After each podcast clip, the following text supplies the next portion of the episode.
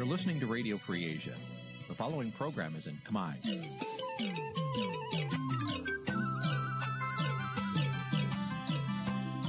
នេះជាកម្មវិធីផ្សាយ Vuthu Azizi Serai នេះជាកម្មវិធីផ្សាយរបស់ Vuthu Azizi Serai ជាភាសាខ្មែរ Vuthu Azizi Serai សូមស្វាគមន៍លោកអ្នកនាងទាំងអស់ពីរដ្ឋធានី Washington នៃសហរដ្ឋអាមេរិក បាទប្រធានាធិបតី Washington ខ្ញុំបាទទីនសាករិយាសូមជម្រាបសួរលោកនាងកញ្ញាទាំងអស់ជាទីមេត្រីយើងខ្ញុំសូមជូនកម្មវិធីផ្សាយសម្រាប់យប់ថ្ងៃសុក្រ700ខែកដិកឆ្នាំឆ្លូវត្រីស័កពុរសករាជ2565ត្រូវនៅថ្ងៃទី26ខែវិច្ឆិកាគ្រិស្តសករាជ2021បាទជំនុំនេះសូមជម្រាបលោកនាងកញ្ញាស្ដាប់ព័ត៌មានប្រចាំថ្ងៃដែលមានមេត្តាដូចតទៅ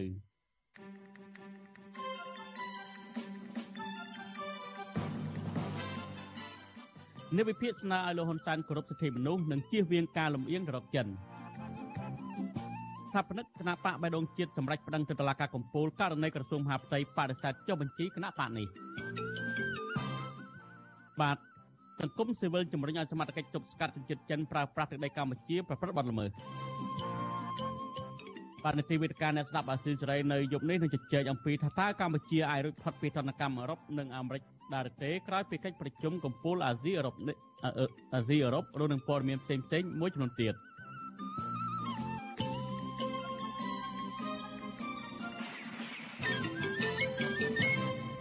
បាទលោកនាយកទីមេត្រីជាបន្តទៅនេះខ្ញុំបាទទីនសាករិយាសូមជូនព័ត៌មានពិស្ដាប្រមុខរដ្ឋាភិបាលកម្ពុជាលហ៊ុនសែនអះអាងថាមេដឹកនាំមកពីទ្វីបអាស៊ីនិងអឺរ៉ុប បានបដិញ្ញាចិត្តលើកកម្ពស់បន្ថែមទៀតនៅទូនាទីរបស់អាស៊ីនិងនិងអឺរ៉ុបឬហៅថាអាស៊ឹមក្នុងការជំរុញពហុភាគីនិយមនិងអភិបាលកិច្ចសកលដើម្បីដោះស្រាយបញ្ហាប្រឈមរួមបាននៅវិភាននយោបាយថាកម្ពុជាអាចអនុវត្តការបដិញ្ញាចិត្តនេះទៅបានទាល់តែរដ្ឋាភិបាលលហ៊ុនសែនគោរពសិទ្ធិមនុស្សនិងលទ្ធិប្រជាធិបតេយ្យឲ្យជៀសវាងការលំអៀងខ្លាំងទៅរកតែប្រទេសចិនបាទប្រធានាធិបតីវ៉ាស៊ីនតោនលោកសេកបណ្ឌិតរាយការណ៍ព័ត៌មាននេះ លោកនាយករដ្ឋមន្ត្រីហ៊ុនសែនបង្ហាញលទ្ធផលនៃកិច្ចប្រជុំកំពូលអាស៊ីអឺរ៉ុបលើកទី13ចំនួន6ចំណុចនិងបង្ហាញនៅសុទិដ្ឋិនិយមថាលទ្ធផលដែលកើតចេញពីកិច្ចប្រជុំនេះគឺជាធិតចូលដ៏មានតម្លៃសម្រាប់ចូលរួមចំណែកដល់ការលើកកម្ពស់ពហុភាគីនិយម និងដំណើរការអាស៊ឹមមេដឹកនាំរដ្ឋាភិបាលឯកបៈរូបនេះឲ្យដឹងថាលទ្ធផលទាំង6ចំណុចនោះរួមមានអង្គប្រជុំ បានពេញចិត្តចំពោះវឌ្ឍនភាពនិងសមិទ្ធផលជាច្រើនរបស់អាស៊ឹមកន្លងមក លោកបន្តថាអង្គប្រជុំក៏បដិញ្ញាចិត្តលើកកម្ពស់បន្ថែមទៀតនៅទូនាទីរបស់អាស៊ឹមក្នុងការជំរុញពហុភាគីនិយមនិងអភិបាលកិច្ចសកលដើម្បីដោះស្រាយបញ្ហាប្រឈមរួមហើយអង្គប្រជុំក៏បានគាំទ្រពេញទំហឹងចំពោះពហុភាគីនិយមដែលជាគ្រឹះនៃសន្តិភាពស្ថិរភាព និងវិបុលសុខសកល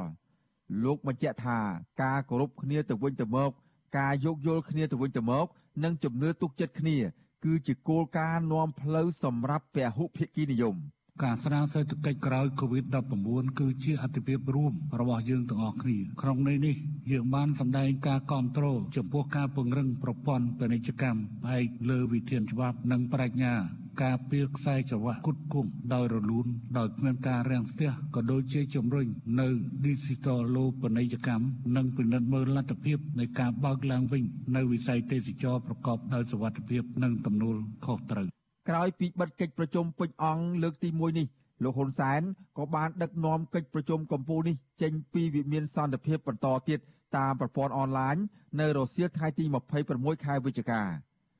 នៅថ្ងៃទី2នេះក្រុមមេដឹកនាំអាស៊ីនិងអឺរ៉ុបនឹងពិភាក្សាលើបញ្ហាជំងឺ Covid-19 ការស្ដារនិងការអភិវឌ្ឍសង្គមសេដ្ឋកិច្ចនិងមានកិច្ចប្រជុំចង្អៀតពាក់ព័ន្ធនឹងតំបន់អាស៊ីអឺរ៉ុបបញ្ហាអន្តរជាតិ និងតំបន់ព្រមទាំងអនុម័តឯកសារស្ដីពីលទ្ធផលកិច្ចប្រជុំកំពូលអាស៊ីអឺរ៉ុបលើកទី13ជុំវិញរឿងនេះអ្នកវិភាគនយោបាយលោកកឹមសុខយល់ថាប្រមុខរដ្ឋាភិបាលដែលចូលរួមកិច្ចប្រជុំកំពូលនេះអាចឯកភាពគ្នា ទៅលើចំណុចគោលគោលដែលលោកហ៊ុនសែនលើកបង្ហាញនេះប៉ុន្តែខ្លឹមសារសំខាន់ដែលមានជជែកគ្នា ដើម្បីសម្រេចបាននៅចំណុចគោលទាំងនេះគឺលោកហ៊ុនសែនមិនបានបង្ហាញនោះទេលោកបន្តថា ប្រសិនបើប្រទេសណាមួយនៅតំបន់អាស៊ីរួមទាំងកម្ពុជាផងលំអៀងទៅរកមហាអំណាចណាមួយ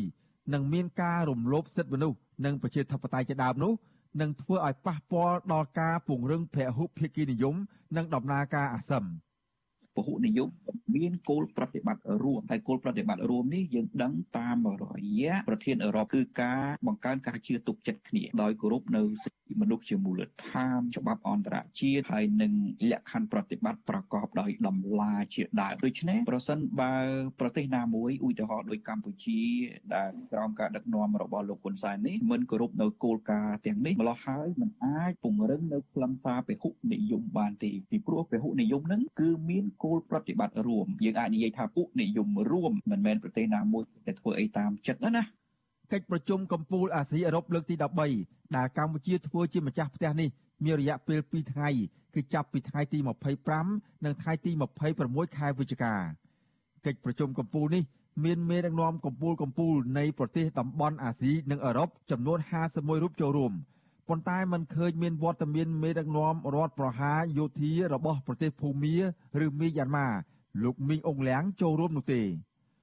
ដ្ឋាភិបាលកម្ពុជាមិនទាន់បានបង្ហាញលទ្ធផលនិងខ្លឹមសារលម្អិតនៃកិច្ចប្រជុំរយៈពេល2ថ្ងៃនេះទេគិតត្រឹមល្ងាចថ្ងៃទី26វិច្ឆិកាប៉ុន្តែក្រោយពេលបិទកិច្ចប្រជុំកំពូលអាស៊ីអឺរ៉ុបនេះនឹងមានការរៀបចំសន្និសីទព័ត៌មានរួមគ្នាហើយនឹងផ្សព្វផ្សាយលទ្ធផលនេះជាសាធារណៈ ខ្ញុំបាទសេកបណ្ឌិតវិទ្យុអាស៊ីសេរីពីរដ្ឋធានីវ៉ាស៊ីនតោនបាទលោកនាយកទីមេត្រីបន្ថែមលើសេចក្តីសេចក្តីរាយការណ៍របស់លោកសេកបណ្ឌិតនេះនៅពេលបន្តិចទៀតនេះយើងនឹងមាននីតិវិទ្យាអ្នកស្ដាប់អាស៊ីសេរីដែលយើងនឹងជជែកថាតើកម្ពុជានឹងអាចជៀសផុតពីតនកម្មពីសហភាពអឺរ៉ុបនិងអាមេរិកដែរទេក្រោយពីកម្ពុជាបានធ្វើជាម្ចាស់ផ្ទះនៃកិច្ចប្រជុំកំពូលអាស៊ីអឺរ៉ុបលើកទី13នេះបាទសូមលោកនាងបើ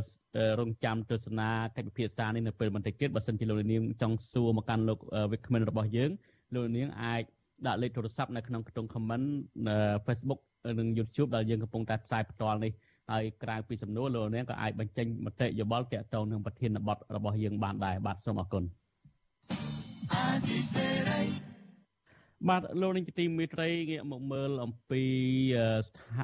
គណៈបកបៃដងជាតិវិញគណៈបកស្ថាបនិកគណៈបកបៃដងជាតិបានសម្រេចប្តឹងករណីក្រសួងមហាផ្ទៃមិនយល់ព្រមចុះបញ្ជីការឲ្យគណៈបកនេះធ្វើសកម្មភាពនយោបាយទៅតុលាការកំពូលហើយនៅថ្ងៃទី26វិច្ឆិកានេះអ្នកនាំពាក្យក្រសួងមហាផ្ទៃប្រមានថាបើក្រសួងប្តឹងបកវិញគឺស្ថាបនិកគណៈបកបៃដងជាតិនឹងត្រូវជាប់គុកបាទប្រធានាធិបតីវ៉ាស៊ីនតោនលោកយុនសមៀនរាយការណ៍ព័ត៌មាននេះ គណៈបកបេដងជាតិលើកឡើងថាការសម្រេចប្តឹងទៅតុលាការកំពូលនេះគឺជាការស្វែងរកយុត្តិធម៌តាមច្បាប់ព្រោះគណៈបកយល់ថាការសម្រេចរបស់ក្រសួងមហាផ្ទៃដែលមិនចុះបញ្ជីឲ្យនោះមិនបានឈលលើអង្គហេតុនិងអង្គច្បាប់ស្ថាបនិកគណៈបកបេដងជាតិលោកសៀមភ្លុកបញ្ជាក់ក្នុងពាក្យបណ្ដឹងនោះថាគណៈបកបេដងជាតិបានដាក់ពាក្យស្នើសុំចុះបញ្ជីកាលពីថ្ងៃទី9កក្កដាទៅក្រសួងមហាផ្ទៃ ហើយក្រសួងបានទៀមទាឲ្យកែសម្រួលលក្ខន្តិកៈចំនួន3លើកហើយគណៈបកនេះតែងតែធ្វើតាមការណែនាំប៉ុន្តែក្រសួងមិនបានជូនដំណឹងពីស្នាមមេដៃនោះទេគណៈបកនេះបន្តថាទីបំផុតក្រសួងបដិសេធចុះបញ្ជីឲ្យគណៈបកបេដងជាតិដោយសំអាងហេតុថាមានការផ្តិតមេដៃជំនួសខ្លាញ់បន្លំអតសញ្ញាណបុគ្គលការផ្តិតមេដៃធ្វើឲ្យខូចគុណភាពដើម្បីបង្កើនបរិមាណចំនួនអ្នកគ្រប់គ្រង និងលក្ខន្តិកៈគណៈបកផ្ទុយនឹងច្បាប់ស្តីពីគណៈបកនយោបាយពាក្យបណ្ដឹងនោះបញ្ជាក់ទៀតថាការប្តឹងនេះគឺដើម្បីសុំឲ្យតុលាការកំពូលចេញសាលដីកាបង្គាប់ទៅក្រសួងមហាផ្ទៃឲ្យចុះបញ្ជីជូនគណៈបកបេដងជាតិលោកសៀមភ្លុកប្រាប់បញ្ជូអាស៊ីសេរីក្រោយដាក់ពាក្យបណ្ដឹងថាការសម្រេចប្តឹងនេះគឺគណៈបកបេដងជាតិបំពេញកាតព្វកិច្ចខ្លួនតាមនីតិវិធីលោកបន្តថាបើតុលាការពិនិត្យពិចារណាតាមអង្គហេតុនិងអង្គច្បាប់ លោកមានសង្ឃឹមជានិច្ចប៉ុន្តែបើតុលាការពិនិត្យពិចារណាតាមអធិពលនយោបាយលោកមានសង្ឃឹមតិចតួចណាស់ទោះបីយ៉ាងណាលោកនៅតែជឿជាក់ថាតុលាការនិងអ្នកនយោបាយពាក់ព័ន្ធនឹងពិចារណាអនុញ្ញាតឲ្យគណៈបកបេដងជាតិបានចុះបញ្ជីតាមសំណើដោយតម្កល់ប្រយោជន៍ជាតិជាធំការសម្រេចរោគយុតិធធតាមផ្លូវតុលាការរបស់គណៈបកបេដងជាតិនៅពេលនេះ ក្រោយពេលក្រសួងមហាផ្ទៃសម្រេចមិនចុះបញ្ជីឲ្យគណៈបកបេដងជាតិដោយចោទប្រកាន់ថាគណៈបកបានបន្លំស្នាមមេដៃអ្នកគាំទ្រនិងស្នាមមេដៃខ្លះខូចគុណភាពកាលពីថ្ងៃទី8ខែវិច្ឆិកាកន្លងទៅជុំវិញករណីនេះវិទ្យុអាស៊ីសេរីមិនអាចសុំការឆ្លើយតបពីអ្នកនាំពាក្យក្រសួងមហាផ្ទៃលោកខៀវសុភ័ក្របានទេនៅថ្ងៃទី26ខែវិច្ឆិកាទោះបីជាយ៉ាងណាលោកខៀវសុភ័ក្រធ្លាប់បានប្រាប់សារព័ត៌មានក្នុងស្រុក ដោយលោកប្រមានលោកសៀមភ្លុកថាបើក្រសួងប្តឹងបកវិញប្រយ័ត្នជាប់គុកអ្នកនាំពាក្យដដាលបន្តចោទប្រកាន់ថាគណៈបកបេដងជាតិមានជាប់ពាក់ព័ន្ធខ្លែងបន្លំស្នាមមេដៃដែលដាក់មកក្រសួងមហាផ្ទៃស្នើសុំចុះបញ្ជីគណៈបកជុំវិញការប្រមានបែបនេះរបស់មន្ត្រីជាន់ខ្ពស់ក្រសួងមហាផ្ទៃនេះលោកសៀមភ្លុកយល់ថានេះជាការគម្រាមកំហែងបំផិតបំភ័យស្មារតីអ្នកនយោបាយដែលមានទស្សនៈនយោបាយផ្សេងគ្នា លោកបន្ថែមថារដ្ឋាភិបាល គួរគិតផលប្រយោជន៍ជាតិនិងកិត្តិយសមុខមាត់ប្រទេសលើឆាកអន្តរជាតិសំខាន់ជាងការធ្វើទុកបុកម្នេញលើសកម្មជននយោបាយទូចតាចដូចជារូបលោក។ជុំវិញបញ្ហានេះអ្នកវិភាគនយោបាយបណ្ឌិតសេងសារីយល់ថាការសម្រេចប្តឹងទៅតុលាការរបស់គណៈបកបេដងជាតិជាសិទ្ធិរបស់គណៈបកដែលចែងក្នុងច្បាប់ស្តីពីគណៈបកនយោបាយទូយ៉ាងណាលោកសេងសារីសង្កេតឃើញថាកន្លងមកបើភាគីរដ្ឋាភិបាលសម្រេចបែបណា តុលាការក៏សម្រេចឬកាត់ក្តីមិនខុសពីរដ្ឋាភិបាលបានសម្រេចនោះទេអំណាចនីតិប្រតិបត្តិជាមួយនឹងអំណាចតុលាការហ្នឹងហាក់ដូចជាមិនសូវជាប្រទាំងប្រទេសគ្នាទេទៅជាមួយគ្នាយ៉ាងរលូនមានន័យថាគំក្រគំត្រគ្នាទៅវិញទៅមកអញ្ចឹងទោះបីគណៈបព្វជិជាតិប្តឹងទៅតុលាការកំពូលក៏ដោយខ្ញុំគិតថាមិនទទួលបានផ្លែផ្កាបណ្ឌិតសេងសេរីស្នើឲ្យក្រសួងមហាផ្ទៃគួរអនុញ្ញាតឲ្យគណៈបកបេដងជាតិរកស្នាមមេដៃអ្នកគាំទ្រថ្មី មកជំនួសស្នាមមេដៃដែលក្រសួងចោទថាមានបញ្ហានោះដែលនោះគឺជាដំណោះស្រាយល្អដែរស្របពេលការបោះឆ្នោតឃុំសង្កាត់ឆ្នាំ2022កាន់តែខិតជិតមកដល់នេះក្រុមអង្គការសង្គមស៊ីវិលបានស្នើយ៉ាងទទូចដល់រដ្ឋាភិបាលលោកហ៊ុនសែនធានាឲ្យបាននៅលក្ខខណ្ឌអបបរមាចំនួន6ចំណុចដើម្បីឲ្យការបោះឆ្នោតប្រព្រឹត្តទៅដោយសេរីនិងយុត្តិធម៌ ចំណុចទាំងនោះមានជាអាចបង្កើតបរិយាកាសនយោបាយសេរីធានាសិទ្ធិនយោបាយនិងសិទ្ធិបោះឆ្នោតកែសម្រួលសមាជិកគណៈកម្មាធិការជាតិរៀបចំការបោះឆ្នោតឬកោជបធានាឯកភាពនៃអំណាចតុលាការ និងកងកម្លាំងប្រដាប់អាវុធព្រមទាំងធានាការអនុវត្តទូនាទីដោយសេរី របស់អង្គការសង្គមស៊ីវិលនិងប្រព័ន្ធផ្សព្វផ្សាយជាដើមខ្ញុំយុនសាមៀនវិទ្យុអាស៊ីសេរីប្រធានាធិបតី Washington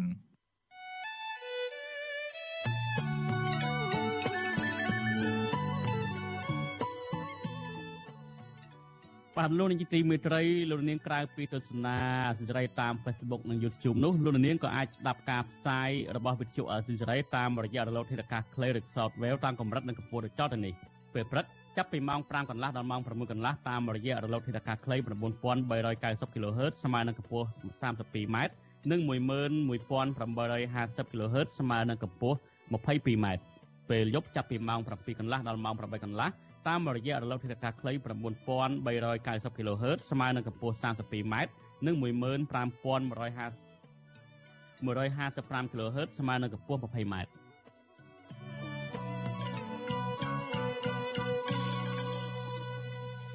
បាទលោកនាងជាទីមេត្រីតកតងនឹងជនជាតិចិនដែលកំពុងតែរស់នៅកម្ពុជាវិញសង្គមស៊ីវិលជំរុញឲ្យសមាជិកពាក់ព័ន្ធទប់ស្កាត់ជនជាតិចិនដែលប្រើប្រាស់ទឹកដីកម្ពុជាដើម្បីប្រព្រឹត្តបទល្មើសអក្រិត ពួកគេថាសកម្មភាពចិនទាំងនោះប៉ះពាល់ដល់សវត្ថិភាពពលរដ្ឋនិងសង្គមជាតិទាំងមូលការលើកឡើងនេះធ្វើឡើងក្រោយពេលជនជាតិចិនបានចាប់បង្ខាំងជនជាតិថៃជាច្រើនអ្នកដើម្បីទារប្រាក់និងបង្ខំឲ្យធ្វើការងារឆបោកតាមប្រព័ន្ធអនឡាញជាបន្តបន្ទាប់បាទប្រធានាធិបតីវ៉ាស៊ីនតោនលោកសនចាររថារាយការណ៍ព័ត៌មាននេះសង្គមសវរិគុណថាញាធមគួរបណ្ដាយឲ្យជនបរទេសជាពិសេសជនជាតិចិនប្រព្រឹត្តអំពើខុសច្បាប់បង្ខាំងចាប់ចម្រិតទារប្រាក់ជនជាតិថៃលើទឹកដីខ្មែរនោះទេ នាយករងទទួលបន្ទុកផ្នែកខ្លំមើលសិទ្ធិមនុស្សនៃអង្គការលីកាដូលោកអំសំអានថ្លែងថាអ្នកប្រើប្រាស់ប្រព័ន្ធបណ្ដាញសង្គមកំពុងរងគ្រោះដោយសារបលល្មើសក្រិនដូចជាការបៀតបៀនផ្លូវកាយចិត្តសេដ្ឋកិច្ចជាពិសេសការចាប់បង្ខាំងចាប់ចម្រិតឆបោកនិងបលល្មើសផ្សេងៗទៀតលោកសង្កេតឃើញថាបលល្មើសភេទច្រើនប្រព្រឹត្តដោយជនជាតិចិនលោកយល់ថាបលល្មើសកើតឡើងជាញឹកញាប់បែបនេះបណ្ដាលមកពីអាញាធរពពន់អនុវត្តច្បាប់ធូររលុងដែលធ្វើជនបរទេសទាំងនេះអាចធ្វើសកម្មភាពលើទឹកដីខ្មែរ ដើម្បីប្រព្រឹត្តបទល្មើសដោយសេរីតាមការបង្ក្រាបរបស់សមាជិកក៏ដូចជាព័ត៌មានដែលយើងទទួលបានយើងឃើញថាមានជនជាតិចិនដែលមានការប្រព្រឹត្តបទល្មើសតាមប្រព័ន្ធអនឡាញនេះច្រើនជាងគេពីព្រោះតាមការប្រព័ន្ធអនឡាញនេះតាំងពីការចាប់រិតការបង្ខាំងការប្រព្រឹត្តនៅបទល្មើសផ្សេងផ្សេងទៀតការបង្ខាំងមនុស្សខុសច្បាប់គឺជាបទអក្រិតនៅក្នុងក្រមព្រហ្មទណ្ឌខ្មែរទោះបីជាការចាប់បង្ខាំងនឹងទៅលើជនជាតិណាក៏ដោយប៉ុន្តែកើតនៅលើទឹកដីកម្ពុជាគឺជាបទល្មើសអក្រិត ការលើកឡើងនេះបន្ទាប់ពីសមាជិកក្រសួងមហាផ្ទៃបានខកខ្លួនជនជាតិចិនចំនួន74នាក់ក្នុងនោះ3នាក់ជាប់ពាក់ព័ន្ធនឹងបទល្មើសបង្ខាំងជនជាតិថៃចំនួន99នាក់ដើម្បីចម្រិតទារប្រាក់នៅផ្ទះមួយកន្លែងក្នុងខណ្ឌសានសុករាជធានីភ្នំពេញកាលពីថ្ងៃទី18ខែវិច្ឆិកាជនរងគ្រោះទៅនោះបានចេញបោកមេខ្យល់មកធ្វើការងារផ្សព្វផ្សាយឲ្យក្រុមហ៊ុនចិនលក់ផលិតផលតាមអនឡាញចំណែកឯជនជាតិចិន71នាក់ផ្សេងទៀតមិនជាប់ពាក់ព័ន្ធនឹងបទល្មើស ស្មារតីបានសម្រេចដោះលែងពួកគេឲ្យទៅធ្វើការងារវិញធម្មតាវិទ្យុអេស៊ីសេរីមិនតន់តែតតនអ្នកនាំពាក្យកស្នងការដ្ឋាននគរបាលជាតិលោកឆៃកំខឿនអ្នកនាំពាក្យតុលាការក្រុងភ្នំពេញលោកប្លង់សុផល ដើម្បីសុំការបញ្ជាក់អំពីរឿងនេះបានទេ នៅថ្ងៃទី26ខែវិច្ឆិកាដោយទូរស័ព្ទចូលតែពុំមានអ្នកទទួលក៏ប៉ុន្តែលោកប្លង់សុផលបានប្រាប់កាសែតក្នុងស្រុកថាសាលាដំបងរាជធានីភ្នំពេញបានសម្រេចចាប់ប្រកាន់ជនជាតិចិនចំនួន3នាក់ហើយបញ្ជូនទៅចក្រមស៊ើបសួរពីបទបង្ខំមនុស្សដោយខុសច្បាប់ ធ្វើទរណកម្មតាមមាត្រា254នៃក្រមព្រហ្មទណ្ឌរបាយការណ៍ពីមន្ត្រីស្ថានទូតថៃប្រចាំក្រុងភ្នំពេញឲ្យដឹងថាចាប់តាំងពីខែមករាដល់ខែកញ្ញាមានជនជាតិថៃចំនួន100នាក់ហើយត្រូវបានមន្ត្រីស្ថានទូតថៃជួយសង្គ្រោះឲ្យពួកគេត្រឡប់ទៅប្រទេសថៃវិញជនជាតិថៃទៅនេះត្រូវបានជនជាតិចិនឆោបោកឲ្យធ្វើការក្នុងបលល្បែងកាស៊ីណូអនឡាញនៅខេត្តកំពតរាជធានីភ្នំពេញក្រុងបរសេនុនិងខេត្តបន្ទាយមានជ័យ ដោយសន្យាថាផ្ដល់ប្រាក់ឈ្នួលចន្លោះពី700ទៅ1000ដុល្លារក្នុងមួយខែលោកអំសមាបារម្ភថាប្រសិនបើអាជ្ញាធរមិនចាត់វិធានការទប់ស្កាត់បទល្មើសទាំងនេះឲ្យទាន់ពេលវេលាទេនឹងបង្កភាពអសន្តិសុខសង្គមនិងប៉ះពាល់ដល់អ្នកវិនិយោគនិងមុខមាត់របស់កម្ពុជាជាក់ជាមិនខានមន្ត្រីសង្គមសវរមនេះទទួលដល់អាជ្ញាធរមានសមត្ថកិច្ចត្រូវអនុវត្តច្បាប់លើជនតប្រវេសឲ្យបានតឹងរឹងដើម្បីចាត់វិធានការផ្លូវច្បាប់លើជនប្រព្រឹត្តបទល្មើសឲ្យមានប្រសិទ្ធភាព។ ខ្ញុំជឿថាអាជ្ញាធរលោកនឹងចាត់វិធានការឲ្យបានតឹងរឹងចំពោះជនបរទេសឬក៏ជនបរទេសដែលប្រព្រឹត្តបទល្មើសនៅកម្ពុជាដើម្បីកុំឲ្យគេចោទប្រកាន់ថាជនបរទេសយកទឹកដីយើងធ្វើជាកន្លែងដើម្បីប្រព្រឹត្តបទល្មើសរបាយការណ៍របស់អង្គការការពារសិទ្ធិមនុស្សលេកាដូកាលពីថ្ងៃទី25ខែវិច្ឆិការកឃើញថាអាញាធរកម្ពុជានិងក្រុមហ៊ុនបណ្ដាញសង្គមផ្សេងទៀតមិនអាចការពារអ្នកប្រាស្រ័យបានគ្រប់គ្រាន់ហើយអាញាធរមិនអាចត្រួតពិនិត្យចាប់ប្រជាជននិងអ្នករំលោភបំពានលើអ្នកប្រើប្រាស់បានទេ ហើយអនុញ្ញាតឲ្យបុគ្គលឯកជនរួមលោភបំពានផ្លូវភេទបង្កការរើសអើងគំរាមកំហែងនិងការរំលោភបំពានផ្សេងៗមកលើអ្នកប្រើប្រាស់បានជាញញប់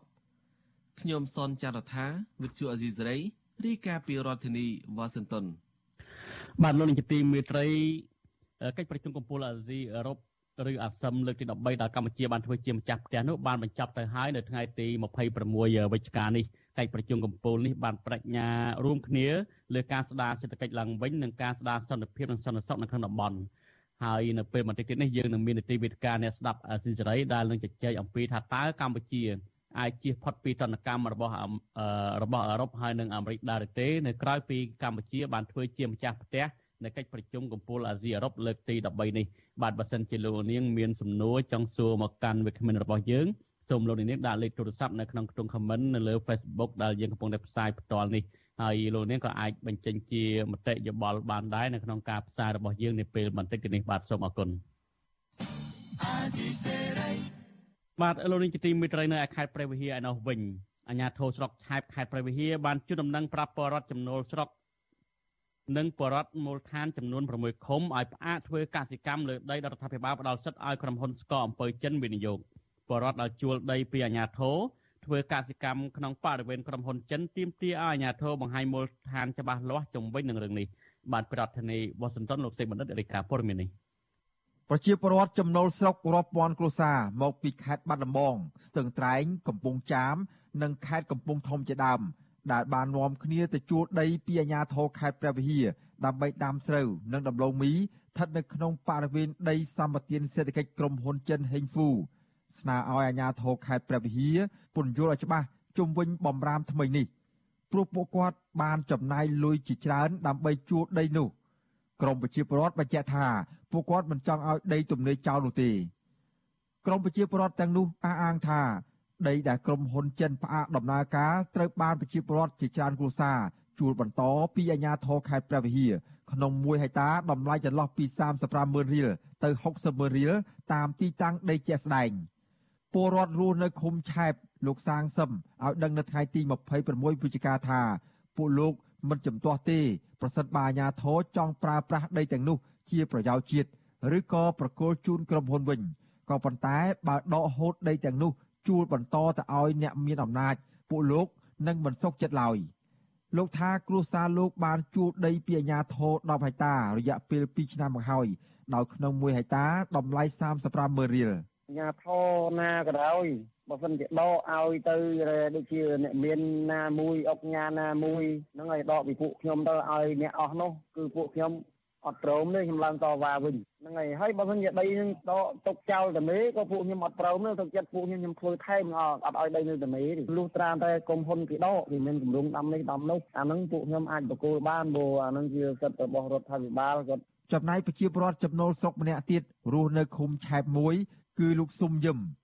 លោកសង្ស័យថាអាញាធរធ្វើបែបនេះដើម្បីយកដីរាប់ពាន់ហិកតាជួលទៅឲ្យបុគ្គលមានអំណាច ដោយមិនខ្វល់ពីជីវភាពរបស់ប្រជាពលរដ្ឋឡើយលោកថាប្រសិនបើអាជ្ញាធរហាមប្រជាពលរដ្ឋមិនឲ្យធ្វើកសិកម្មអាជ្ញាធរគួរតែអនុវត្តទាំង3ស្រុកពុំមែនតែស្រុកឆែបបែបនេះឡើយ។ ឃើញថងថាវាមានមូលហេតុបើថាខាត់មិនឲ្យឈូសឆាយព្យួរក្នុងដីក្រុមហ៊ុនចិនទេមូលហេតុអីបានមិនឲ្យទីធ្វើទុកដីចោលទំនេរធ្វើអីហើយបើហាមខាត់វាត្រូវមានមូលហេតុវាមានមូលហេតុរបស់វាបានត្រូវហាមខាត់កើតនឹងខាងណាយកឬខាងណាមិនយកយ៉ាងម៉េចមូលហេតុអីហើយបើទុកដីនឹងទុកសំដុកស្មៅចោលធ្វើអីវាមានរីកចម្រើនតាណាឲ្យប្រជាពលរដ្ឋធ្វើទៅវិធីដីនៅដីតាអាណាយកដីទៅរួចប្រតិកម្មរបស់ក្រមពលរដ្ឋនេះកើតមានឡើងក្រោយពីដែលអាជ្ញាធរស្រុកឆែបបានជួនដំណឹងការពីថ្ងៃទី24វិច្ឆិកា ប្រាប់ពលរដ្ឋរស់នៅក្នុងភូមិចំនួន17ក្នុងឃុំទាំង6របស់ស្រុកឆែបដោយហាមមិនឲ្យពលរដ្ឋធ្វើកសិកម្មឬឈូសឆាយដី ក្នុងបរិវេណក្រុមហ៊ុនស្ករអំពើចិន ដែលទទួលសិទ្ធិវិនិយោគពីរដ្ឋាភិបាលវិទ្យុអសីសេរីនៅពុំទាន់អាចតាក់ទងសុំការបំភ្លឺអំពីរឿងនេះពីអភិបាលស្រុកឆែបលោកសុកសានតារា និងអ្នកនាំពាក្យសាលាខេត្តព្រះវិហារលោកយ៉ងកំហឿងបាននៅឡើយទេ នៅថ្ងៃទី26វិច្ឆិកា ដោយទូរស័ព្ទហៅចូលច្រើនដង តែគ្មានអ្នកទទួលរីឯតំណាងក្រុមហ៊ុនស្ករអំពៅចិនហេងហ្វូក៏វិទ្យុអស៊ីសេរីមិនទាន់អាចតាក់ទងបានដែរប៉ុន្តែអភិបាលរងស្រុកឆែបលោកអ៊ុនសុផល បានថ្លែងនៅក្នុងលិខិតនោះថាសេចក្តីសម្រេចនេះក្រោយពីមានកិច្ចប្រជុំពិភាក្សាស្ដីពីលទ្ធផលការចុះពិនិត្យនិងវិតម្លៃលើការអនុវត្តក្រុមហ៊ុនសម្បទានសេដ្ឋកិច្ចក្រោមការដឹកនាំរបស់រដ្ឋលេខាធិការក្រសួងកសិកម្មលោកអ៊ុងសំអាត លោកថាអាញាធរស្រុកទទួលព័ត៌មានថាពលរដ្ឋរស់នៅក្នុងឃុំចំនួន6គ្រូភ្ជួរដីធ្វើកសិកម្មស្ថិតនៅក្នុងការដ្ឋានក្រុមហ៊ុនស្ករពៅចិនដើម្បីព្រួសស្រូវនិងដាំដំឡូងមីជុំវិញរឿងនេះនាយកប្រតិបត្តិអង្គការពន្លកខ្មែរលោកពឹកសុភ័ណ្ឌជំរុញឲ្យអាជ្ញាធរត្រូវផ្សព្វផ្សាយនិងបង្ហាញមូលហេតុច្បាស់លាស់ដើម្បីឲ្យពលរដ្ឋជ្រាបច្បាស់ព្រោះក្រុមហ៊ុនចិនបានផ្អាកដំណើរការសង្វាក់ផលិតកម្មរួចទៅហើយ។ លោកថាមកទល់នឹងពេលនេះមានតែអាជ្ញាធរស្រុកឆែបប៉ុណ្ណោះដែលចេញសេចក្តីជូនដំណឹងនេះខ្ញុំគិតថា នៅក្នុងគម្រោងអភិវឌ្ឍនីមួយនីមួយអាជ្ញាធរជាពិសេសរាជរដ្ឋាភិបាលគួរបង្ហាញព័ត៌មាននឹងឲ្យបានច្បាស់លាស់មុននឹងបន្តផែនការឬក៏ផ្ទេរទៅឲ្យក្រុមហ៊ុនដទៃបន្ទាប់ពីក្រុមហ៊ុនមួយបានខ្សែធនទៅណាមានការដោះស្រាយវិវាទនឹងឲ្យបានសមរម្យអាចទទួលយកបានទាំងប្រជាពលរដ្ឋទាំងអាជ្ញាធរបានក្រុមហ៊ុនសម្បទានសេដ្ឋកិច្ចហេងហ្វូទទួលសិទ្ធិវិនិយោគពីរដ្ឋាភិបាល លើផ្ទៃដីទំហំជាង40000ហិកតា នៅខេត្តព្រះវិហារតាំងពីឆ្នាំ2011ដើម្បីវិនិយោគដាំអំពៅនិងកៅស៊ូប៉ុន្តែក្រុមហ៊ុននេះបានផ្អាកដំណើរការសង្វាក់ផលិតកម្មជាង2ឆ្នាំមកហើយខណៈកន្លងមកប្រជាពលរដ្ឋមូលដ្ឋាន ជាពិសេសជនជាតិដើមភាគតិចគួយ បានស្នើរដ្ឋាភិបាលដកហូតដីពីក្រុមហ៊ុន និងផ្ដល់ជាកម្មសិទ្ធិជូនដល់សហគមន៍របស់ពួកគាត់វិញខ្ញុំបាទសេកបណ្ឌិត វិទ្យុអាស៊ីសេរីពីរដ្ឋធានីវ៉ាស៊ីនតោនបាទលោកនាយកទីមេត្រីតកតងនឹងរឿងជំងឺ Covid-19 វិញករណីមនុស្សស្លាប់ដោយសារជំងឺ Covid-19 បានកើនឡើងដល់ជាង2900នាក់ហើយក្រោយពីអ្នកជំងឺចំនួន4នាក់ទៀតបានស្លាប់ក្នុងនោះ2នាក់មិនបានចាក់វ៉ាក់សាំងនោះទេចំណែកករណីឆ្លងថ្មីវិញក្រសួងសុខាភិបាលប្រកាសថាមាន29នាក់ដែលជាលទ្ធផលបញ្ជាក់ដោយម៉ាស៊ីនពិសោធន៍ PCR គិតត្រឹមព្រឹកថ្ងៃទី26វិច្ឆិកាកម្ពុជាមានអ្នកកើតជំងឺ Covid-19 ប្រមាណជា120,000នាក់ក្នុងនោះអ្នកជាសះស្បើយមានជាង110,000មានជាង110,000នាក់បាទមានជាង10000មានជាង110,000នាក់ក្រសួងសុខាភិបាលប្រកាសថាគិតត្រឹមព្រឹកថ្ងៃទី25វិច្ឆិកាម្សិលមិញរដ្ឋាភិបាលបានចាក់វ៉ាក់សាំងជូនពលរដ្ឋដែលគ្រប់អាយុបានប្រមាណជា10លាននាក់សម្រាប់ដូសទី1និងជាង9លាន7សែននាក់សម្រាប់ដូសទី2 ចំណែកកុមារនិងយុវជនដែលមានអាយុពី5ឆ្នាំដល់17ឆ្នាំវិញក្រសួងបញ្ជាក់ថាការចាក់វ៉ាក់សាំងចាក់វ៉ាក់សាំងបានប្រមាណជា4លាននាក់ក្នុងចំណោមអ្នកដែលត្រូវចាក់វ៉ាក់សាំងជាង4លាននាក់បាទលោកនាយកទីមិត្តរីនៅឯខេត្តបាត់ដំបងឯនោះវិញមន្ត្រីអង្គការសង្គមស៊ីវិលរិះគន់អាជ្ញាធរខេត្តបាត់ដំបងនិងអាជ្ញាធរខេត្តបៃលិនថាបានបង្កើនការរដ្ឋបတ်សិទ្ធិសេរីភាពពួកគេខ្លាំងធ្វើឲ្យពិបាកបំពេញការងារឲ្យបានពេញលេញ ក្រតកម្មរបស់សង្គមស៊ីវិលនេះធ្វើឡើងក្រោយពេលអាជ្ញាធរខេត្តទាំងពីរនេះបានតម្រូវឲ្យសង្គមស៊ីវិលដាក់លិខិតសុំអនុញ្ញាតក្នុងពេលចុះអប់រំការយល់ដឹងផ្សេងៗដល់ប្រជាពលរដ្ឋនៅតាមមូលដ្ឋានដែលខុសពីការណែនាំរបស់ក្រសួងមហាផ្ទៃនិងរដ្ឋធម្មនុញ្ញបាទពីរដ្ឋធានីវ៉ាស៊ីនតោនអ្នកស្រីសុជីវីរាយការណ៍ព័ត៌មាននេះមន្ត្រីសង្គមស៊ីវិលរិះគន់ថាអាញាធរធ្វើបែបនេះជាការរដ្ឋបិទសេរីភាពបំពេញការងាររបស់សង្គមស៊ីវិល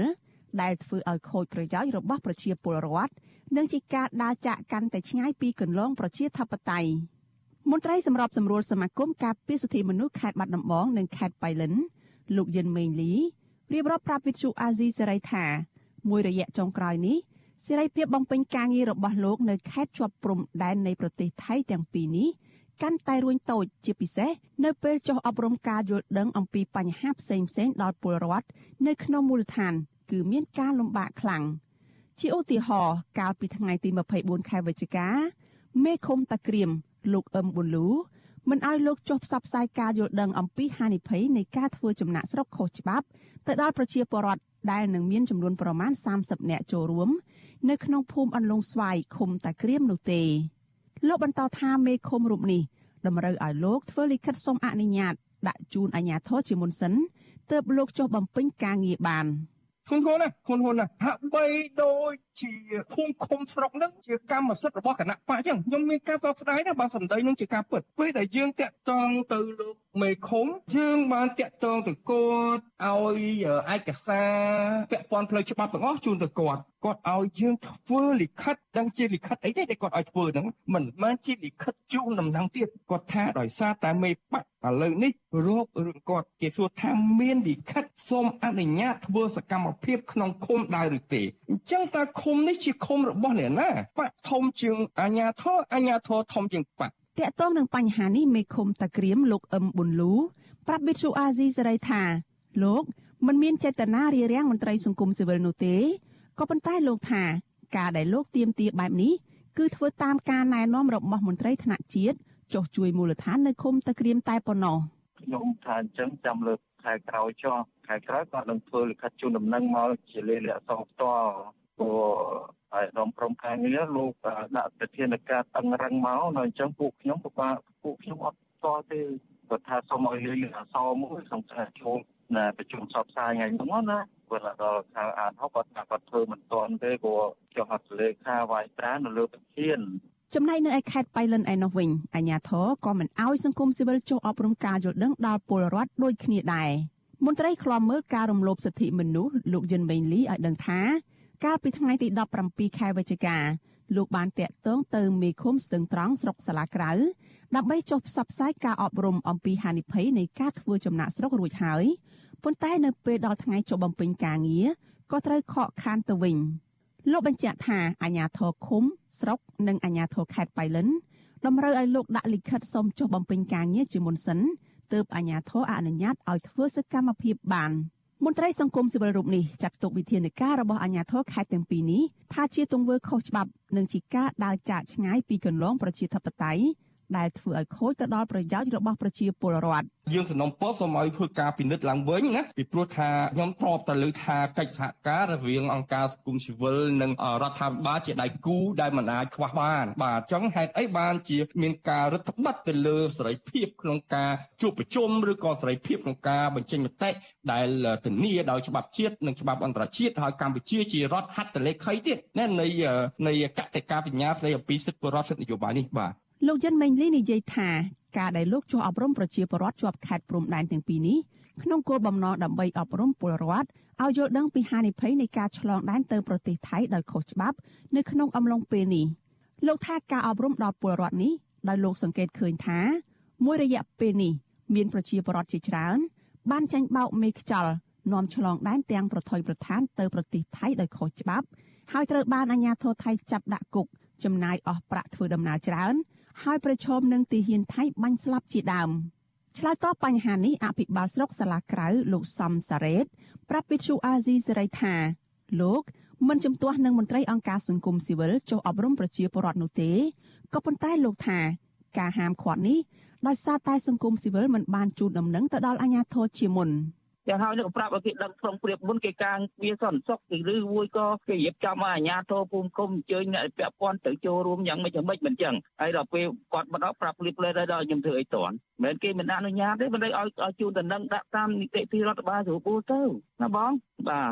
ជុំវិញរឿងនេះប្រជាពលរដ្ឋនៅឃុំស្ទឹងត្រង់លោកស្រីអោមសំអល់ថ្លែងថាកន្លងមក នៅស្រុកសាលាក្រៅអាជ្ញាធរតែងតែបង្កការលំបាកដល់សង្គមស៊ីវិលក្នុងការចុះអប់រំការយល់ដឹងផ្សេងៗដល់ប្រជាពលរដ្ឋជាប្រចាំលោកស្រីសោកស្ដាយនឹងទង្វើរបស់អាជ្ញាធរបែបនេះថាជាការដែលមិនជួយគិតគូរដល់ប្រយោជន៍របស់ប្រជាពលរដ្ឋលោកស្រីបន្ថែមថាការអប់រំរបស់សង្គមស៊ីវិលមានប្រយោជន៍ច្រើនដល់ពលរដ្ឋជាពិសេសធ្វើឲ្យពួកគាត់មានការយល់ដឹងពីហានិភ័យនៃការធ្វើចំណាក់ស្រុកដោយខុសច្បាប់ហើយខ្ញុំអត់ចង់ឲ្យអាជ្ញាធរគាត់គិតអញ្ចឹងទេចង់ឲ្យ ឲ្យប្រជាជននឹងដឹងច្បាប់ទៅប្រជាជននឹងគោរពច្បាប់យើងនឹងវាអស់បញ្ហាហើយឲ្យមានស្ថិរភាពនៅក្នុងភូមិឃុំបើសិនណាប្រជាពលរដ្ឋដឹងច្បាប់ច្រើនអភិបាលខេត្តបាត់ដំបងដែលទៅតែកាន់តំណែងថ្មីលោកសុកលូប្រាប់វិទ្យុអាស៊ីសេរីថាអាញាធរខេត្តមិនបានរដ្ឋបិទមន្ត្រីសង្គមស៊ីវិលចុះបំពេញការងារនៅតាមមូលដ្ឋាននោះឡើយលោកបញ្ជាក់ថាក្រោយពីបានទទួលដំណឹងនេះលោកនឹងណែនាំដល់មន្ត្រីក្រមអវ៉ាត ឲ្យបញ្ឈប់តម្រូវឲ្យសង្គមស៊ីវិលសុំច្បាប់ក្នុងពេលចុះអប់រំពលរដ្ឋឬបំពេញការងារនៅតាមមូលដ្ឋានតទៅទៀតអន្តរជាតិរួមគឺចាំមើលខ្ញុំត្រួតពិនិត្យព័ត៌មាននេះហើយនឹងខ្ញុំនឹងសួរនាំទីរួមគឺមានការហាមឃាត់ទេបងប្អូនសង្គមស៊ីវិល NGO ទាំងអស់អាចធ្វើការងារដោយសេរីដោយបែបដែលក្រសួងមហាផ្ទៃធ្លាប់បានទូលដំណឹងមកហើយណាបាទកាលពីឆ្នាំ2018រដ្ឋមន្ត្រីក្រសួងមហាផ្ទៃលោកសខេងបានចេញលិខិតណែនាំដល់អភិបាលខេត្តរាជធានីទាំងអស់ ពង្រឹងកិច្ចសហប្រតិបត្តិការជាមួយនឹងសមាគមអង្គការមិនមែនរដ្ឋាភិបាល និងសហគមន៍នានានៅមូលដ្ឋាន ដែលចុះបញ្ជីត្រឹមត្រូវតាមច្បាប់លិខិតដដែលនោះបញ្ជាក់ថាអង្គការសង្គមស៊ីវិលទាំងនោះមានសិទ្ធិសេរីភាពពេញលេញក្នុងការធ្វើសកម្មភាពស្របច្បាប់ដោយមិនចាំបាច់ជូនដំណឹងដល់អាជ្ញាធរមូលដ្ឋាន រយៈពេល3ថ្ងៃមុនពេលចុះធ្វើសកម្មភាពនោះឡើយថ្មីថ្មីនេះអ្នករាយការណ៍ពិសេសរបស់អង្គការសហប្រជាជាតិ ទទួលបន្ទុកសិទ្ធិមនុស្សប្រចាំនៅកម្ពុជា លោកវិទិតមុនថាបនបានប្រមាននៅក្នុងសេចក្តីថ្លែងការណ៍ថាកម្ពុជាកំពុងតែដើរថយក្រោយ ដោយងាកចេញពីការគោរពសិទ្ធិមនុស្សនិងគន្លងប្រជាធិបតេយ្យលោកបញ្ជាក់ថាទោះបីជាប្រទេសកម្ពុជា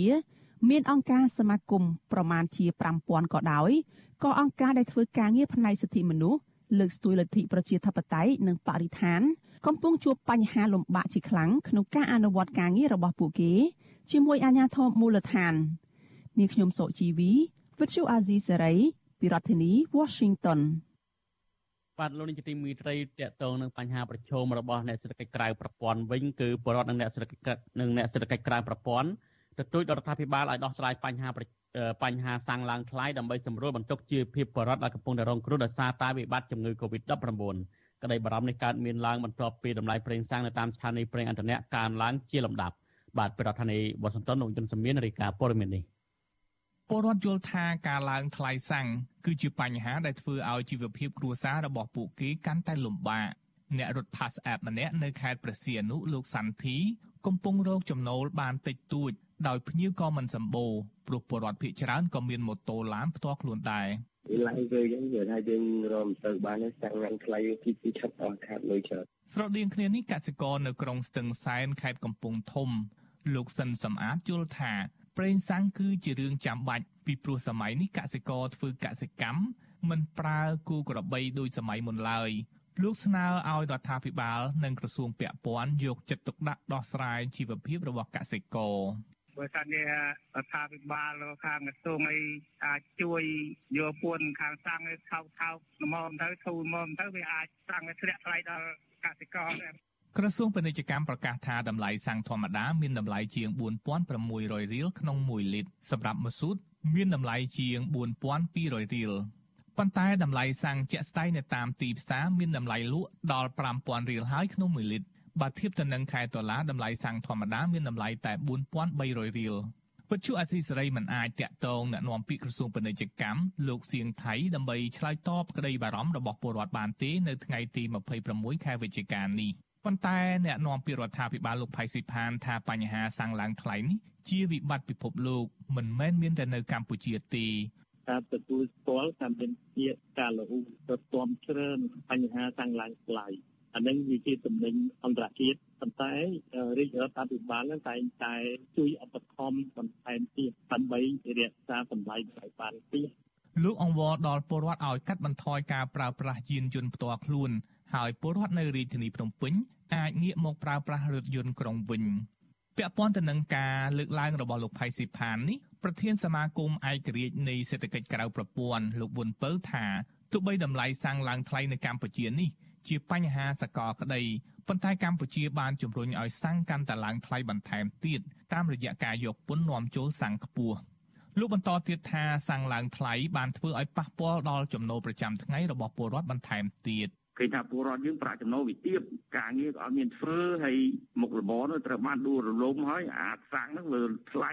ដោយគេដោយឯងណាប៉ុន្តែអាប្រាក់ចំណូលទាបអាហ្នឹងហើយជីវបត្តិដែលខ្ញុំតែងតែនិយាយថាថ្លៃសាំងស្រុកខ្មែរវាខ្ពស់ជាងគេជាងឯងហ្នឹងតែមិនតលរយៈភាពទៅនឹងការរកចំណូលពលរដ្ឋ លោកវុនពៅស្នើរដ្ឋាភិបាលត្រូវពិនិត្យមើលលទ្ធភាពកាត់បន្ថយពន្ធនាំចូលសាំងពិនិត្យមើលតម្លៃលក់សាំងនៅតាមស្ថានីយ៍ប្រេងឥន្ធនៈហើយបន្ថែមពន្ធលើផលិតផលមិនចាំបាច់មួយចំនួនដូចជាបារី គ្រឿងស្រវឹងដើម្បីយកទៅទប់ទល់នឹងការកាត់បន្ថយពន្ធសាំងវិញ និងឧបត្ថម្ភទុនទៅក្រុមហ៊ុនប្រេងឥន្ធនៈដើម្បីទប់តម្លៃសាំងឡើងថ្លៃខ្ញុំយុនសាមៀនវិទ្យុអាស៊ីសេរីប្រធានាធិបតី Washington បាទលោកនេះជាទីមេត្រីលោកនេះត្រូវបានស្ដាប់ព័ត៌មានប្រចាំថ្ងៃរបស់វិទ្យុអសិរ័យដែលរៀបរៀងដោយខ្ញុំបាទទីនសាការីយ៉ាប្រធានាធិបតីវ៉ាស៊ីនតោនបាទសូមលោកនេះរងចាំស្ដាប់នីតិវិទ្យាអ្នកស្ដាប់អសិរ័យនាពេលបន្តិចទៀតនេះ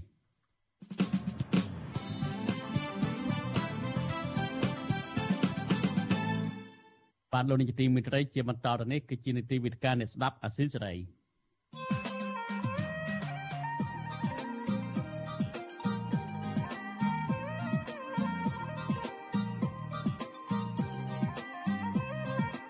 យតិកាអ្នកស្ដាប់វិទ្យុអាស៊ីសេរី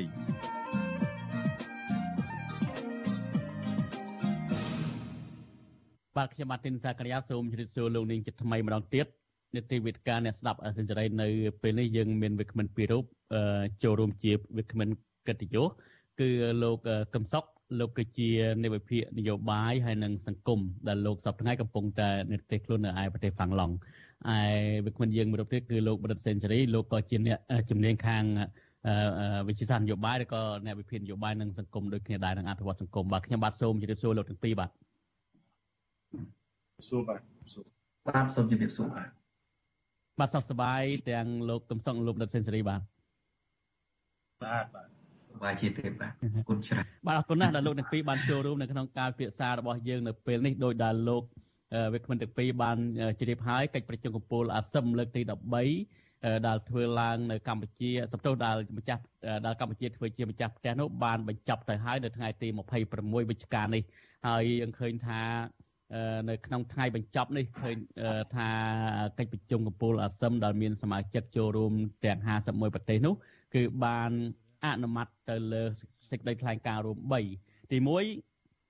សេចក្តីថ្លែងការណ៍របស់ប្រធានអង្គប្រជុំអាស៊ីអឺរ៉ុបលើកទី13ហើយទី2នេះគឺសេចក្តីថ្លែងការណ៍រួមទីក្រុងភ្នំពេញស្តីពីការស្ដារសេដ្ឋកិច្ចឡើងវិញក្រោយពីវិបត្តិជំងឺ Covid-19 ហើយនឹងទី3នោះគឺថាឯកសារសកម្មភាពអនាគតស្ដីពីការបដិញ្ញាចិត្តរួមគ្នាក្នុងការតបជាប់ឬក៏ការលើកកម្ពស់អាស៊ឹមបាទជាដំបូងនេះអឺប្រធានបទរបស់យើងដែលយើងនឹងជជែកគ្នានៅពេលនេះឃើញថាតើកម្ពុជាក្រោយពីបាន ធ្វើជាម្ចាស់ផ្ទះអាស៊ឹមឬក៏ក្រោយពីបានធ្វើជាម្ចាស់ផ្ទះនៅកិច្ចកម្ពុជាកិច្ចប្រជុំកម្ពុជាអាស៊ីអឺរ៉ុបនេះតើកម្ពុជាពិតជាអាចជៀសផុតពីតនកម្មរបស់អាមេរិកហើយនិងអឺរ៉ុបដែរទេហើយយើងពិនិត្យមើលមួយជ្រុងទៀតថាតើកម្ពុជាអាចកែប្រែនៅរបៀបនៃការដឹកនាំរបស់ខ្លួនដែរទេដើម្បីជៀសផុតពីការពីការរងទណ្ឌកម្មផ្សេងផ្សេងពីប្រទេសលោកសេរីនេះបាទជាដំបូង ខ្ញុំសូមជម្រាបសួរលោកបណ្ឌិតសេនស៊ូរីធ្វើការវាតម្លៃបន្តិចអំពីលទ្ធផលនៃការប្រជុំកិច្ចប្រជុំលើកម្ពុជាអាស៊ីសំទោសកិច្ចប្រជុំកម្ពុជាអាស៊ីអឺរ៉ុបលើកទី13នៅកម្ពុជាដែលកម្ពុជាធ្វើជាម្ចាស់ផ្ទះរយៈពេល2ថ្ងៃមុននេះបាទសូមចេញបាទបាទសូមជម្រាបសួរលោកសាកាយាហើយជម្រាបសួរលោកគឹមសុខផងបាទហើយនឹងបងប្អូនអ្នកស្ដាប់អាស៊ីសេរីបាទជម្រាបសួរបាទ មុននឹងមុននឹងឆ្លើយនៅសំណួរផងលោកសាការីយ៉ាខ្ញុំចង់បង្ហាញនៅកត្តាប្រឈមហើយនឹងបញ្ហាមួយចំនួន ដែលអាស៊ីហើយនិងអឺរ៉ុបកំពុងតែប្រឈមបាទទី1យើងដឹងហើយថាជំងឺ Covid គឺជាជាជំងឺសកលដែលវាយប្រហារទាំងសុខភាពរបស់ពលរដ្ឋនៅក្នុងអឺរ៉ុបហើយនិងក្នុងអាស៊ីទូទាំងពិភពលោកផងដែរ ហើយក៏វាយប្រហារទៅលើប្រព័ន្ធសេដ្ឋកិច្ចនិងកំណើនសេដ្ឋកិច្ចទាំងមូលនឹងចំណុចទី1ចំណុចទី2អាស៊ានអឺរ៉ុបហ្នឹងក៏ក៏មានការប្រឈមជាមួយនឹងរឿងការប្រែប្រួលអាកាសធាតុជាពិសេសហ្នឹងគឺដោយសារតែឥឡូវនេះស្ថានភាពកបោនហ្នឹងវាមានការកើនឡើងចំណុចទី3អ្វីដែលអាស៊ីតំបន់អឺរ៉ុបនឹងកំពុងតែប្រឈមដែរនេះគឺតាក់ទងទៅនឹងរឿងប្រជាធិបតេយ្យ ការពិវត្តសេដ្ឋកិច្ចប្រជាធិបតេយ្យហើយនិងសិទ្ធិមនុស្សហើយទី4ហ្នឹងគឺរឿងបញ្ហារបស់អាហ្គានីស្ថានរបស់ភូមារបស់តៃវ៉ាន់ដែលកំពុងតែคล้ายទៅជាប្រធានបទថ្មីមួយដែលអាស៊ានដែលជាអាស៊ីហើយនិងអឺរ៉ុបហ្នឹងក៏កំពុងតែរងកំពុងតែរងវិធីដោះស្រាយ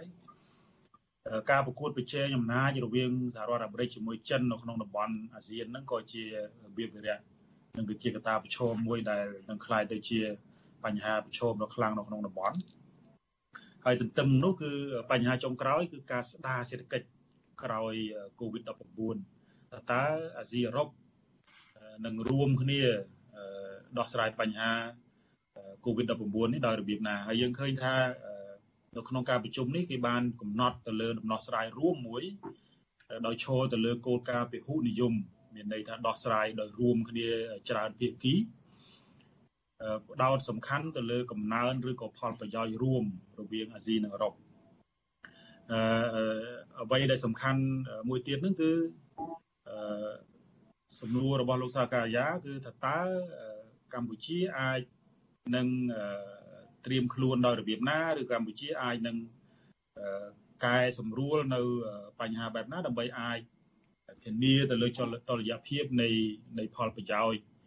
អឺពីអឺរ៉ុបក៏ដូចជាផលប្រយោជន៍ពីចិនយើងឃើញថាឥឡូវនេះបញ្ហាដែលយើងកំពុងតែប្រឈមខ្លាំងហ្នឹងគឺ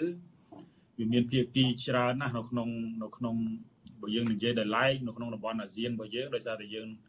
ជាផ្នែកមួយរបស់អាស៊ីដែរប៉ុន្តែយើងនៅក្នុងតំបន់អាស៊ីអាគ្នេយ៍ដែលជាសមាជិកអាស៊ាន10ប្រទេសយើងឃើញថាឥឡូវនេះវាមានភាគី3ធំធំដែលកំពុងតែបង្ហាញនៅអំណាចរបស់ខ្លួនឬក៏ប្រកួតប្រជែងអំណាចរបស់ខ្លួនហ្នឹងគឺទី1គឺសហរដ្ឋអាមេរិកទី2ចិនទី3ហ្នឹងអឺរ៉ុបប៉ុន្តែឥឡូវនេះយើងឃើញថាសហរដ្ឋអាមេរិកជាមួយនឹងសហគមន៍អឺរ៉ុបហ្នឹងបានរួមគ្នាដើម្បីទប់ឥទ្ធិពលរបស់ចិនអញ្ចឹងអ្វីដែលសំខាន់សំណួរសួរថាតើកម្ពុជានឹងធ្វើម៉េចទី1កុំឲ្យឆ្លក់ជាមួយនឹងអំណោយឬក៏ឆ្លក់ជាមួយនឹងគេហៅថាទុនវិនិយោគ ឬក៏កិច្ចសន្យារបស់ចិនហើយទី2ថាតើកម្ពុជានឹងទប់ទៅលើគំនាបសង្កត់របស់សហរដ្ឋអាមេរិកហើយនិងសហរដ្ឋគុំអឺរ៉ុបនោះដោយរបៀបណាអញ្ចឹងព្រោះយើងមើលនៅក្នុងក្របខ័ណ្ឌកម្ពុជា យើងមានរឿងពីរធំធំរឿងទី1ថាតើកម្ពុជានឹងកែសម្រួលរបៀបរបបនៅក្នុងការដឹកនាំប្រទេសដោយរបៀបណាឬក៏សម្រួលនៅក្នុងបរិយាកាសក្នុងការដឹកនាំដោយរបៀបណាអំឡុងពេលដែលអឺរ៉ុបហើយនិងសហរដ្ឋអាមេរិកនេះ កំពុងប្រើយន្តការគម្រាមសង្កត់ផ្នែកខាងសេដ្ឋកិច្ចមកលើប្រទេសកម្ពុជាទី2ទន្ទឹមហ្នឹងក៏ចិនហ្នឹងក៏បានคล้ายទៅជាខ្នងបង្អែកសំខាន់ជាពិសេសខ្នងបង្អែកផ្នែកខាងសេដ្ឋកិច្ចហើយនឹងសន្តិសុខចំនួននៅក្នុងនៅក្នុងប្រទេសកម្ពុជាដែរដូច្នេះបើសិនជាក្នុងករណីអ្វីដែលសំខាន់ហ្នឹងគឺកម្ពុជាខ្លួនឯងត្រូវតែមានយុទ្ធយុទ្ធសាស្ត្រនៅក្នុងការធានាទៅលើតុល្យភាព ដែលយើងអាចនៅចន្លោះគេហៅថាចំនួនភូមិសាស្ត្រនយោបាយរវាងសហរដ្ឋអាមេរិកហើយនិងហើយនិងចិនបាទបាទបាទអរគុណច្រើនអឺលោកដិនសេនស៊ូរីបាទចំពោះលោកនេះដែលកំពុងតែទស្សនាការផ្សាយរបស់សេនស៊ូរីដែលយើងនឹងជជែកគ្នាតើកម្ពុជានឹងអាចជៀសផុតពីទណ្ឌកម្មរបស់អាមេរិកនិងអឺរ៉ុបដែរទេក្រោយពី កម្ពុជាបានធ្វើជាម្ចាស់ផ្ទះនៃកិច្ចប្រជុំកំពូលអាស៊ីអឺរ៉ុបលើកទី13នេះបាទបើសិនជាលោកនេះចង់សួរមកកាន់លោកវិក្កាមទាំងពីរឬក៏ចង់បញ្ចេញមតិយោបល់សូមលោកនេះដាក់លេខទូរស័ព្ទនៅក្នុងក្នុង comment របស់ Facebook និង YouTube របស់អាស៊ីសេរីយើងខ្ញុំនឹងតាក់ទងទៅលោកនាងវិញដើម្បីផ្ដល់ឱកាសឲ្យសួរមកកាន់លោក comment របស់យើងឬក៏បញ្ចេញជាមតិយោបល់តាក់ទងនឹងប្រធានបទបទរបស់យើងនេះបាទអរគុណលោកដិតសេនស៊ូរីខ្ញុំចង់ងាកទៅលោកកឹមសុកវិញ លោកដិតសេនស៊ូរីបានចោទជាសំណួរដែរហើយក៏បានលើកពីបញ្ហាមួយចំនួនតាក់ទងទៅនឹងតំណែងតំណងកម្ពុជាចិនហើយនិងកម្ពុជាអាមេរិកអីចឹងជាដើមហើយបញ្ហាសំខាន់ដែលយើងពិនិត្យមើលបន្តទៅមុខទៀតថាតើកម្ពុជាអាចជៀសផុតពីទណ្ឌកម្មរបស់អាមេរិកនិងអឺរ៉ុបដែរទេហើយបើយើងមើលអំពីកិច្ចប្រជុំអាស៊ីអឺរ៉ុបនេះគឺថាគឺជាកិច្ចសហប្រតិបត្តិការរវាងតំបន់អាស៊ីហើយនិងអឺរ៉ុប ដែលទិសដៅសំខាន់គឺថាការអនុម័តរួមគ្នាទៅលើការស្ដារសេដ្ឋកិច្ចអីចឹងជាដើមប៉ុន្តែបញ្ហាសំខាន់មួយទៀតយើងមើលឃើញថាទាំងប្រទេសទាំងអស់ដែលជាសមាជិកនឹងគឺមិនចង់ឲ្យមានទំនោរទៅខាងណាមួយឲ្យមានតលយៈភាពដោយដែលលោកដិតសេនស៊ូរីបានលើកឡើងនេះលោកកឹមសុខតើកម្ពុជានឹងរក្សាតលយៈភាពនឹងបែបណាដើម្បី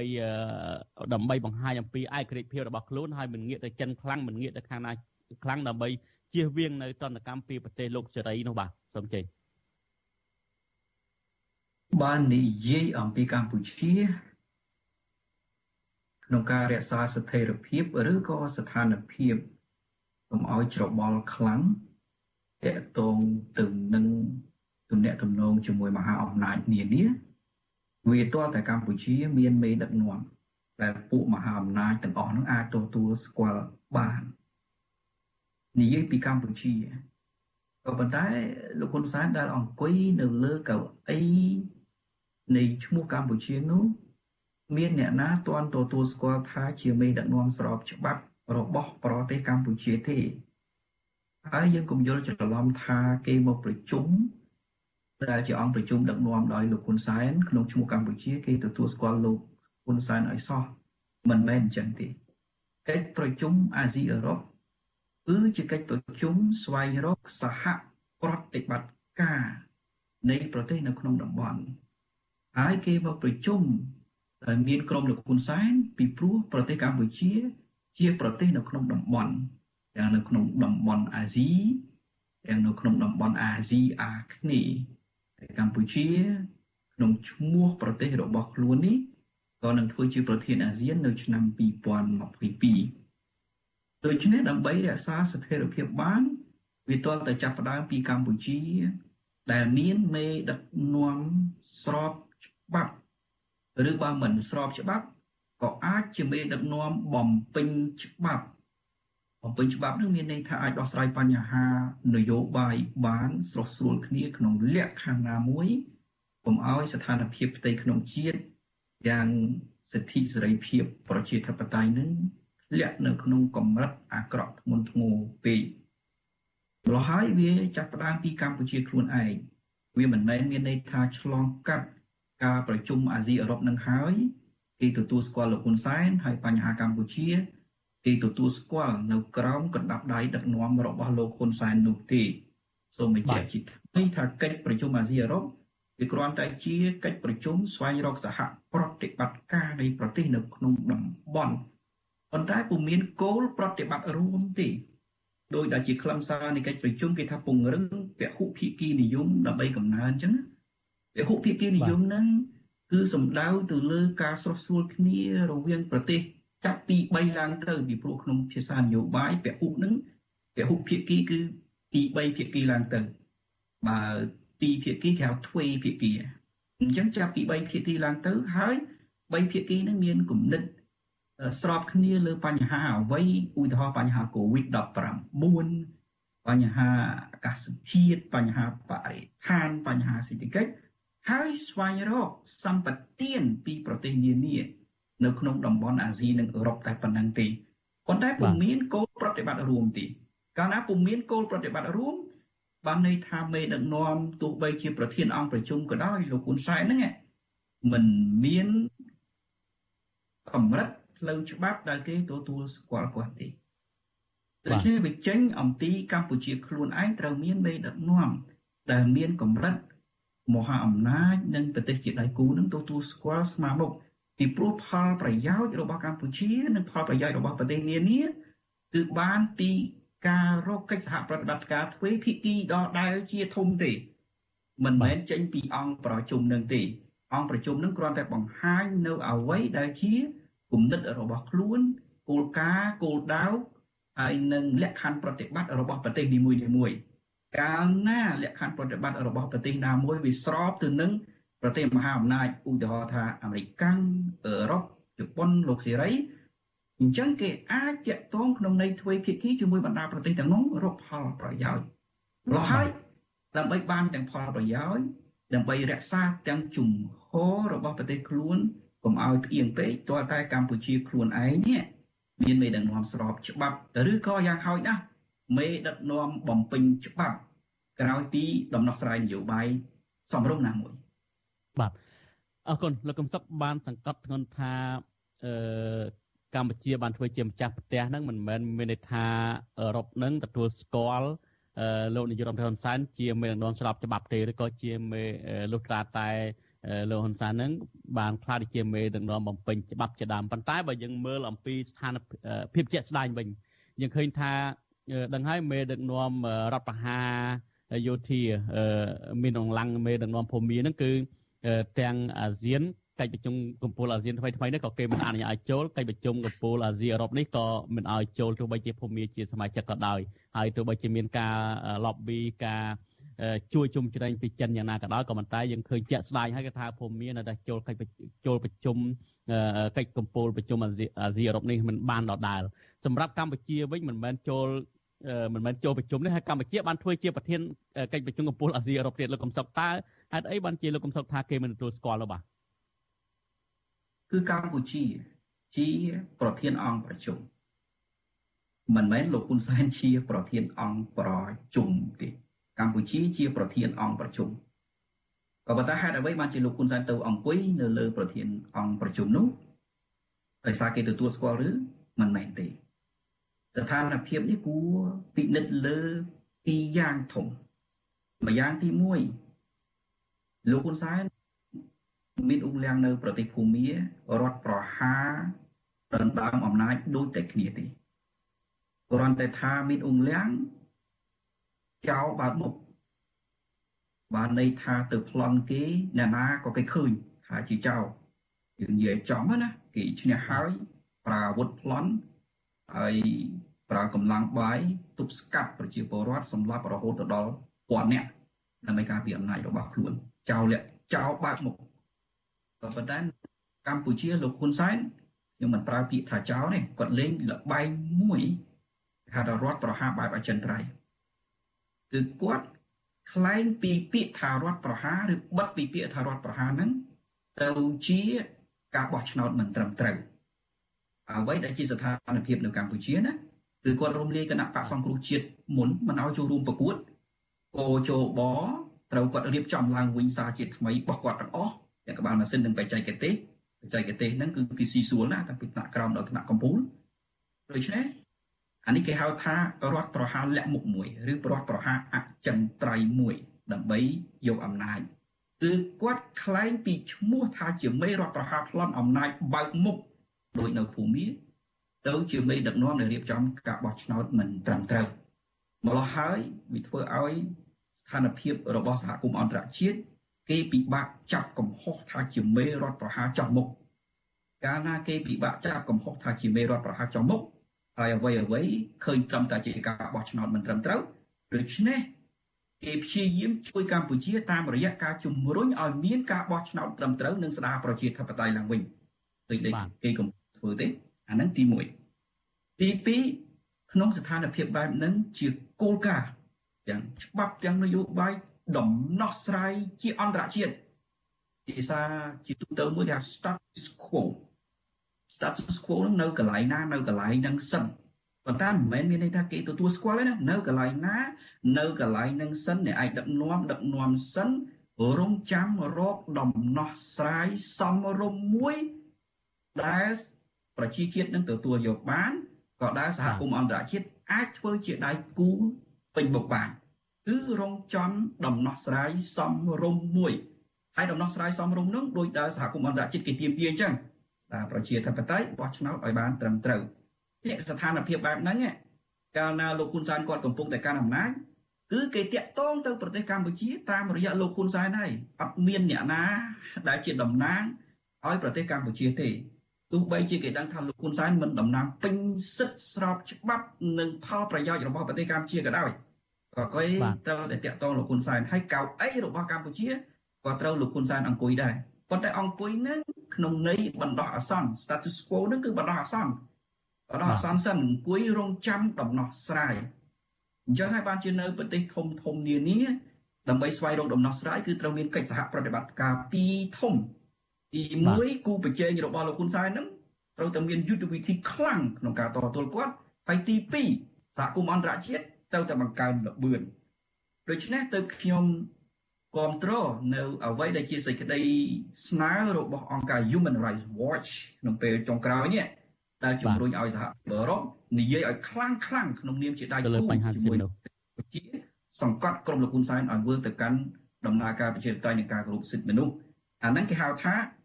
ដំណោះស្រាយសមរម្យកាលណាមានដំណោះស្រាយសមរម្យទោះបីជាអ្នកណាជាអ្នកដឹកនាំប្រទេសនៅពេលដែលមានដំណោះស្រាយសមរម្យនឹងក៏ដោយគេហៅថាបើមិនលក្ខខណ្ឌពេញច្បាប់ សំទោសបើមិនមែនជាលក្ខខណ្ឌស្របច្បាប់គេហៅថាលក្ខខណ្ឌបំពេញច្បាប់តោះតែដល់ដំណាក់កាលលក្ខខណ្ឌបំពេញច្បាប់បែបហ្នឹងទៅកម្ពុជាអាចកិច្ចផុតអំពីគំនាបសង្កត់ពីបណ្ដាប្រទេសនានាដែលគេមានគោលការណ៍សេរីប្រជាធិបតេយ្យហើយចង់ជួយប្រជាពលរដ្ឋខ្មែរបាទអរគុណលោកកឹមសុខខ្ញុំចង់ងាកមកលោកដិតសេនស៊ូរីវិញដោយដែលលោកកឹមសុខបានលើកលោកកឹមសុខបានលើកឡើងថា អ្វីដែលលោកហ៊ុនសែនបានធ្វើជាប្រធានកិច្ចប្រជុំកំពូលអាស៊ីអឺរ៉ុបឬក៏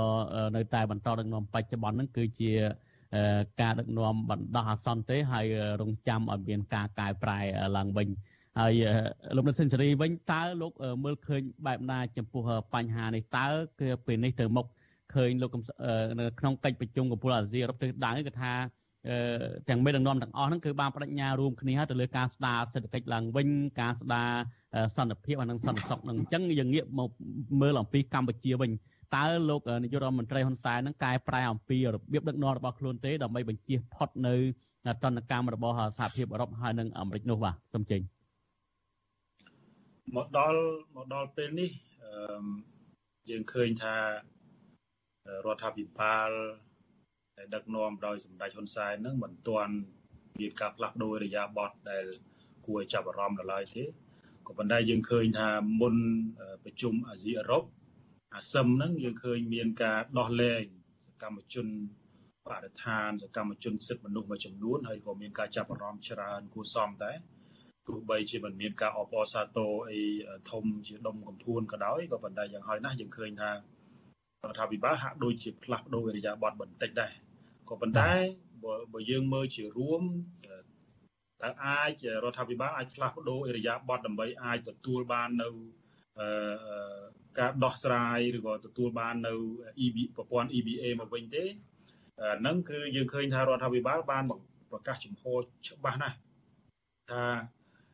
គំនាបសង្កត់អន្តរជាតិមិនអាចធ្វើអ្វីរដ្ឋាភិបាលដែលដឹកនាំដោយគណៈបព្វជិជនបានទេដូច្នេះសញ្ញាណបែបនេះយើងអត់ទាន់ឃើញថាវាជាសញ្ញាណនៃការផ្លាស់ប្ដូរអរិយាប័ត្រនៅក្នុងការដឹកនាំដើម្បីចាប់ដៃជាមួយនឹងសហគមន៍អឺរ៉ុបក៏ដូចជាសហរដ្ឋអាមេរិកដែរយើងឃើញថាអ្វីដែលសំខាន់បច្ចុប្បន្ននេះគឺសហគមន៍អឺរ៉ុបតាមរយៈសភាអឺរ៉ុបហ្នឹងបានស្នើនៅចំណុចមួយចំនួនក្នុងនោះសំខាន់សំខាន់ហ្នឹងគឺបរិយាកាសនយោបាយ ការគោរពសិទ្ធិមនុស្សហើយនិងប្រជាធិបតេយ្យឲ្យកម្ពុជាងាកមកកន្លងប្រជាធិបតេយ្យវិញដើម្បីអាចទទួលបានពន្ធអាគោះពន្ធ EBA ហ្នឹងពេញលេញមកវិញឥឡូវនេះយើងបាត់20%ហើយអ្វីដែលសំខាន់ថាតើក្រោយពីការប្រជុំអាស៊ីអឺរ៉ុបនេះកម្ពុជានឹងទទួលបាន EBA 20%ត្រឡប់មកវិញឬក៏កម្ពុជានឹងបន្តបាត់ប្រព័ន្ធអគ្រោះពន្ធបន្តទៅទៀតអានេះវាជា វាជាសំណួរមួយវាជាវិញ្ញាសាមួយសំខាន់ណាស់លោកដិតសេនស៊ូរីខ្ញុំសូមកាប់ប្រសាសន៍លោកបន្តិចបាទលោកនាងដែលកំពុងតែតាមដានស្ដាប់អសិរ័យតាមរយៈរលកធាតុអាកាសខ្លីក៏ឬក៏ software ហ្នឹងនឹងមិនលឺការផ្សាយរបស់យើងទៀតទេប៉ុន្តែសម្រាប់លោកនេះកំពុងទស្សនាតាមប្រព័ន្ធ Facebook YouTube សូមជើញបន្តទស្សនារបស់យើងក្នុងរយៈពេល30នាទីទៅមុខទៀតបាទសូមលោកដិតសេនស៊ូរីអញ្ជើញបន្តបាទសូមចេញបាទខ្ញុំសូមខ្ញុំសូមសង្ខេបថាឥឡូវនេះ យើងឃើញច្បាស់នៅនិន្នាការរបស់មហាអំណាចពីរព្រោះយើងនិយាយអំពីយើងនិយាយអំពីមហាអំណាចលោកសេរីរួមអឺរ៉ុបជាមួយនឹងអាមេរិកហ្នឹងយើងឃើញថាកំពុងតែទៀមទីឲ្យកម្ពុជាយើងនិយាយក្នុងក្របខ័ណ្ឌ